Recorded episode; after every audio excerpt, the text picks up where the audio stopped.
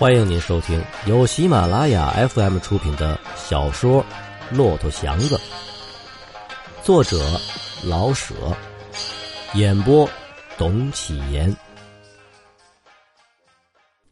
背后骆驼蹄子噗噗轻响，猛然吓了他一跳。他要打算逃命，还是得放弃这几个累赘？可是到底不肯撒手骆驼鼻子上那条绳子。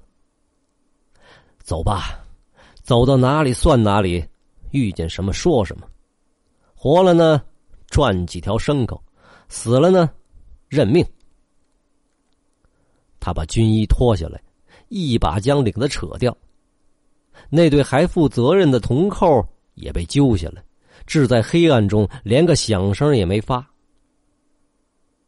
然后他把这件无领无袖的单衣斜搭在身上。把两条袖子在胸前打成个结，像背包袱那样。这样，他以为可以减少些败兵的嫌疑。裤子也挽高起了一块他知道，这还不十分像个拉骆驼的，可是至少也不完全像个逃兵了。加上他脸上的泥，身上的汗，大概也够个没黑子的谱了。他的思想很慢，可是想的很周到，而且想起来马上就去执行。黑天里没人看见他，他本来无需立刻这样办，可是他等不得，他不知道时间，也许忽然就会天亮。既没顺着山路走，他白天没有可以隐藏起来的机会。要打算白天也照样赶路的话。他必须使人相信他是个煤黑子。想到了这个，就马上这么办了。他心中痛快了些，好似危险已过，而眼前就是北平了。他必须稳稳当当的快到城里，因为身上没有一个钱，没有一点干粮，不能再多耗时间。想到这里，他想骑上骆驼。省下力气，可以多挨一会儿饥饿。可是不敢去骑，即使很稳当，也得先叫骆驼跪下，他才能上去。时间是值钱的，不能再麻烦。况且，他要是上了那么高，更不容易看清脚底下。骆驼若是摔倒，他也得陪着。不，就这样走吧。大概的，他觉出是顺着大路走呢，方向、地点都有些茫然。夜深了，多日的疲乏与逃走的惊惧使他身心全不舒服。极致走出来一些路，脚步还是那么平均缓慢。他渐渐的仿佛困倦起来。夜还很黑，空中有些湿冷的雾气。心中更觉得渺茫。用力看看地，地上老像有一岗一岗的，即使放下脚去，却是平坦的。这种小心与受骗，叫他更不安静，几乎有些烦躁。爽性不去管地上了，眼往平里看，脚擦着地走，四处什么也看不见，就好像全世界的黑暗都在等着他似的。由黑暗中迈步，再走入黑暗中，身后跟着那不声不响的骆驼。外面的黑暗渐渐习惯了，心中似乎停止了活动。他的眼不由得闭上了，不知道是往前走呢，还是已经站住了。心中只觉得一浪一浪的波动，似一片波动的黑海。黑暗与心结成一气，都渺茫，都起落，都恍惚。忽然心中一动，像想起些什么，又似乎听见了一些声响。说不清，他又睁开眼，确实还往前走呢。他忘了刚才是想起什么来。寺外也并没有什么动静，心跳了一阵儿。渐渐又平静下来。他嘱咐自己不要再闭上眼，也不要再乱想，快快的到城里是第一件要紧的事儿。可是心中不想事儿，眼睛就很容易再闭上。他必须想念着点什么，必须醒着。他知道，一旦倒下，他可以一气儿睡三天。想什么呢？他的头有些发晕，身上潮漉漉的难过，头发里发痒，两脚发酸，口中又干又涩。他想不起别的，只想可怜自己。可是，连自己的事儿也不大能仔细的想了。他的头是那么虚空昏胀，仿佛刚想起自己，就又把自己给忘了，像将要灭的蜡烛，连自己也不能照明白了似的。再加上四周的黑暗，使他觉得像在一团黑气里漂浮。虽然知道自己还存在着，还往前迈步，可是没有别的东西来证明他准是在哪里走。就很像独自在荒海里浮着的那样，不敢相信自己。他永远没尝受过这种惊疑不定的难过与绝对的寂闷。平日，他虽不大喜欢交朋友，可是一个人在日光下，有太阳照着他的四肢，有各样东西呈现在眼前，他不至于害怕。现在，他还是不害怕。只是不能确定一切。假若骆驼们要是像骡马那样不老实，也许倒能叫他打起精神去注意他们。而骆驼偏偏是那么驯顺，驯顺的使他不耐烦。在心神最恍惚的时候，他忽然怀疑骆驼是否还在他的背后。他似乎很相信这几个大牲口会轻轻的钻入黑暗的岔路中去，而他一点儿也不晓得，像拉了块冰那样渐渐的化掉。不知道在什么时候，他坐下了。若是他就这么死去，如果死后有知，他也不会记得自己是怎么坐下的，和为什么坐下的。坐了五分钟。也许是一点钟，他不晓得，也不知道他是先坐下而后睡着，还是先睡着而后坐下的。大概他是先睡着了而后坐下的，因为他的疲乏已经能使他站着睡过去。他忽然醒了，不是那种自自然然的由睡而醒，而是猛的一下，像由一个世界跳到另一个世界。都在一睁眼的功夫里，看见的还是黑暗，可是很清楚的听见一声鸡鸣，是那么清楚，好像有个坚硬的东西在他脑中划了一下。他完全清醒过来，骆驼呢？他顾不得想别的，绳子还在他手里，骆驼也还在他旁边，他心中安静了。懒得起来，身上酸懒，他不想起来，可也不敢再睡，他得想，细细的想好主意。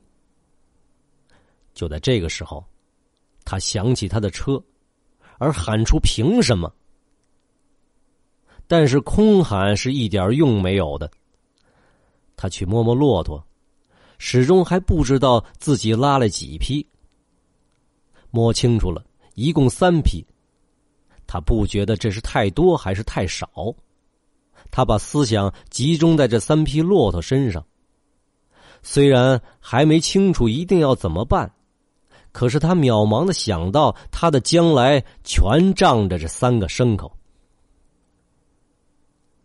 为什么不去卖了他们，再买上一辆车呢？他几乎要跳起来，可是他没动。好像因为先前没想到这样最自然、最省事的办法，而觉得应当惭愧似的。喜悦胜过了惭愧，他打定了主意。刚才不是听到鸡鸣吗？即使鸡有时候在夜间一两点钟就打鸣，反正离天亮也不甚远了。有鸡鸣就必有村庄，说不定也许是北新安吧。那里有养骆驼的，他得赶快的走，能在天亮的时候赶到，把骆驼出了手，他可以一进城就买上一辆车。兵荒马乱期间，车必定便宜一些。他只顾了想买车，好似卖骆驼是件毫无困难的事儿。想到骆驼与洋车的关系，他的精神壮了起来，身上好似一向没有什么不舒服的地方。假若他想到拿着三匹骆驼能买到一百亩地，或是可以换几颗珍珠，他也不会这样高兴。他极快的站起来，扯起骆驼就走。他不晓得现在骆驼是什么行市，只听说过在老年间没有火车的时候，一条骆驼要值一个大宝，因为骆驼力气大而吃的比骡马还省。他不希望得三个大宝，只盼望换个百八十的，恰好购买一辆车。越走天越亮了，不错，亮处是在前面。他却是朝东走呢，即使他走错了路，方向可是不差。山在西，城在东，他晓得这个。寺外由一致的漆黑，渐渐能分出深浅。虽然还辨不出颜色，可是田亩远树已都在普遍的灰暗中有了形状。星星渐稀，天上罩着一层似云又似雾的灰气。暗淡，可是比以前高起许多去。祥子仿佛敢抬起头来了，他也开始闻见路旁的草味儿，也听见几声鸟鸣。因为看见了渺茫的物形，他的耳目口鼻好似都恢复了应有的作用。他也能看到自己身上的一切，虽然是那么破烂狼狈。可是能以相信自己的确还活着呢，好像噩梦初醒时那样，觉得生命是何等的可爱。看完了他自己，他回头看了看骆驼，和他一样的难看，也一样的可爱。正是牲口脱毛的时候，骆驼身上已经都露出了那恢红的皮。只有东一缕西一块的挂着些零散的、没力量的、随时可以脱掉的长毛，像是兽中的庞大乞丐。顶可怜的是那长而无毛的脖子，那么长，那么秃，弯弯的、愚笨的，伸出老远，像条失意的兽龙。可是祥子不厌恶他们，不管他们是怎样的不体面。到底是些活东西。他承认自己是世上最有运气的人，上天送给他三条足以换一辆洋车的活宝贝，这不是天天能遇到的事儿。他忍不住笑了出来。灰天上透出些红色，地与远树显得更黑了，红色渐渐的与灰色融调起来。有些地方成为灰紫的，有些地方特别的红，而大部分的天色是葡萄灰的。又待了一会儿，红中透出明亮的金黄来，各种颜色都露出些光。忽然，一切东西都非常的清楚了，跟着东方的早霞变成一片深红，头上的天显出蓝色。红霞碎开，金光一道一道的射出，横的是霞，直的是光，在天的东南角织成一部极伟大光滑的蛛网。绿的田、树、野草都由暗绿变为发光的翡翠，老松的干上染上了金红，飞鸟的翅儿闪起金光。一切的东西都带出笑意。祥子对着那片红光要大喊几声。自从一被大兵拉去，他似乎没看见过太阳，心中老在咒骂，头老低着，忘了还有日月，忘了老天。现在，他自由的走着路，越走越光明。太阳给草叶的露珠一点金光，也照亮了祥子的眉发，照暖了他的心。他忘了一切困苦，一切困难，一切疼痛，不管身上是怎样的褴褛污浊，太阳的光明与热力并没将他排除。他是生活在一个有光有热力的宇宙里，他高兴，他想欢呼。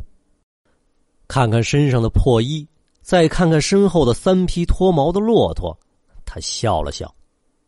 就凭四条这么不体面的人与牲口，居然能逃出危险，能又朝着太阳走路，真透着奇怪。不必再想谁是谁非了，他以为。一切都是天意。他放了心，缓缓的走着。只要老天保佑他，他什么也不必怕。走到什么地方不想问了。虽然田间已有男女来做工，走吧，就是一时卖不出骆驼去，似乎也没大关系了。先到城里再说。他渴望再看见城市。虽然那里没有父母亲戚，没有任何财产，可是到底那是他的家，整个的城都是他的家。一到那里，他就有办法。远处有个不小的村子，村外的柳树像一排高而绿的护兵，低头看着那些矮矮的房屋，屋上浮着些炊烟。远远的听到村犬的叫声，非常的好听。他一直奔了村子去，不想能遇到什么俏事，仿佛只是表示他什么也不怕。他是好人，当然不怕村里的良民。现在人人都是在光明和平的阳光下。假若可能的话，他想要一点水喝，就是要不到水也没关系。他既没死在山中。多渴一会儿，算得了什么呢？村犬向他叫，他没大注意。妇女和小孩们的注视使他不大自在了。必定是个很奇怪的拉骆驼的，他想。要不然，大家为什么这样呆呆的看着他呢？他觉得非常难堪。兵们不拿他当个人，现在来到村子里，大家又看他像个怪物。他不晓得怎样好了，他的身量、力气一向是他自尊自傲，可是，在过去的这些日子里，无缘无故的，他受尽了委屈与困苦。他从一家的屋脊上看过去，又看见了那光明的太阳，可是太阳似乎不像刚才那样可爱了。